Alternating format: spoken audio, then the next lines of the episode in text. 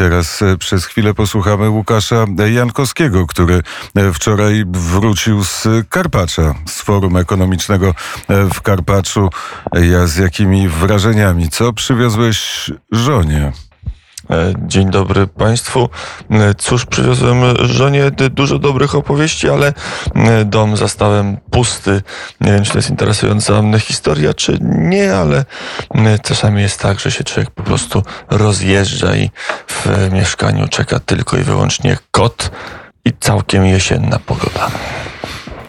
Forum Ekonomiczne w Karpaczu było udane kilka e, konferencji. Nawet jedną z tych konferencji e, transmitowaliśmy, debat e, transmitowaliśmy w Radiu Wnet. To była debata, w której uczestniczył i dwóch profesorów z Europarlamentu, i prezes Jarosław Kaczyński, i redaktor Bronisław Wilstein. A poza tym, co zrobiło i jakie słowa i jakie zdania największe wrażenie, czy były takie, które były no niezwykłe? Mm, niezwykłe, wydaje się, że niezwykłe rozmowy w kuluarach, bo niezwykła była atmosfera, bo atmosfera była z jednej strony mm, taka płynąca z kryzysów, które są za nami, czyli atmosfera grozy albo lęku z, tego, co się dzieje na wschodzie i jak ta wojna może dalej się e, rozegrać. Rzeczywiście jest tak, że my w dyskursie publicznym rzadko już mówimy o wojnie jako o czymś, co może bezpośrednio Polskę dotknąć, a tymczasem w Karpaczu takie rozmowy i takie wizje, że ta wojna może bardzo szybko stać się wojną e, już nie tylko na Ukrainie, ale w całym regionie, że może mm, Putin postanowić się przenieść czy to do Mołdawii, e, czy to nawet na, terenie, na, na tereny krajów, które należą do NATO lub do Unii Europejskiej, jak chociażby kraje bałtyckie. I takie e, słowa padały zupełnie poważnie i były brane jako realne scenariusze, mm, coś o czym my chyba zapominamy, a, a są osoby, które myślą cały czas o tym konflikcie jako bardzo realnym zagrożeniu, mm, także dla polskiego bezpośredniego mm, zagrożenia. O tym zresztą mówił też Jarosław Kaczyński we wspomnianym wywiadzie, określając państwo Polskę jako państwo frontowe.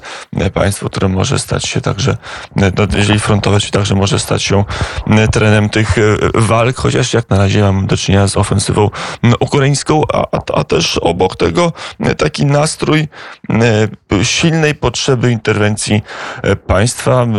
Długo rozmawiałem z kilkoma przedsiębiorcami, nie wszystkich mogę ujawniać, ale e, takie informacje, że kryzys w wielu branżach już się zameldował.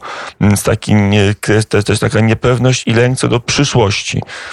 Jakby to forum się odbywało na wzburzonym morzu. Za nami już jedna wielka fala, która przeszła. My kolebiemy się na, e, na kolejnej fali. To nazywa się wojna. Ta, co przeszła, to nazywa się COVID, a przed nami kolejna fala, to nazywa się kryzys. Nie wiadomo, nie wiadomo która fala, e, jakie szkody e, w nawie publicznej i, i w tym okręcie Rzeczpospolita wyrządzi. Mm, ale takie informacje, że to, co idzie przed nami, to, co idzie mm, zimą, kryzys energetyczny może być niezwykle poważny i o którym też de facto mm, nie rozmawiamy w takiej skali, jakiej by powinniśmy.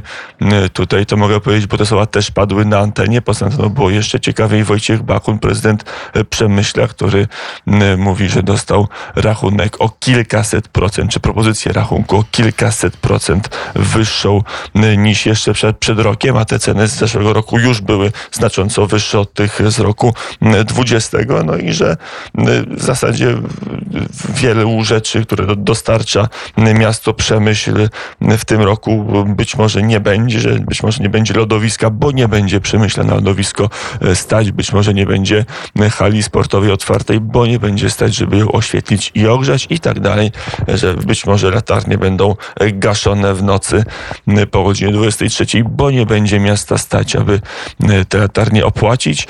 I to nie była jedyna rozmowa z samorządowcem czy z przedsiębiorcą, który pokazywał, czego w tej zimy może nie być i, i czego może zabraknąć. Plus takie rozmowy już całkiem niepokojące, pokazujące, że być może sytuacja na rynku pracy, ten ostatni dobry czynnik gospodarczy, który, który nie budzi naszych wątpliwości, a czasami nawet budzi zadowolenie, najwięcej pracujących Polaków, najniższa bezro, najniższe bezrobocie w historii III Rzeczpospolitej, ale już się pojawiły symptomy z rozmów z, z przedsiębiorcami, zwłaszcza, co nie jest zadziwiające, zwłaszcza z branży budowlanej, no ale też te firmy, które produkują na rzecz budownictwa, już w zasadzie zaczęły zwalniać pracowników, więc ta kolejna fala już nadchodzi i, i między tymi wszystkimi rękami to forum się poruszało. Optymizmu było bardzo niewiele.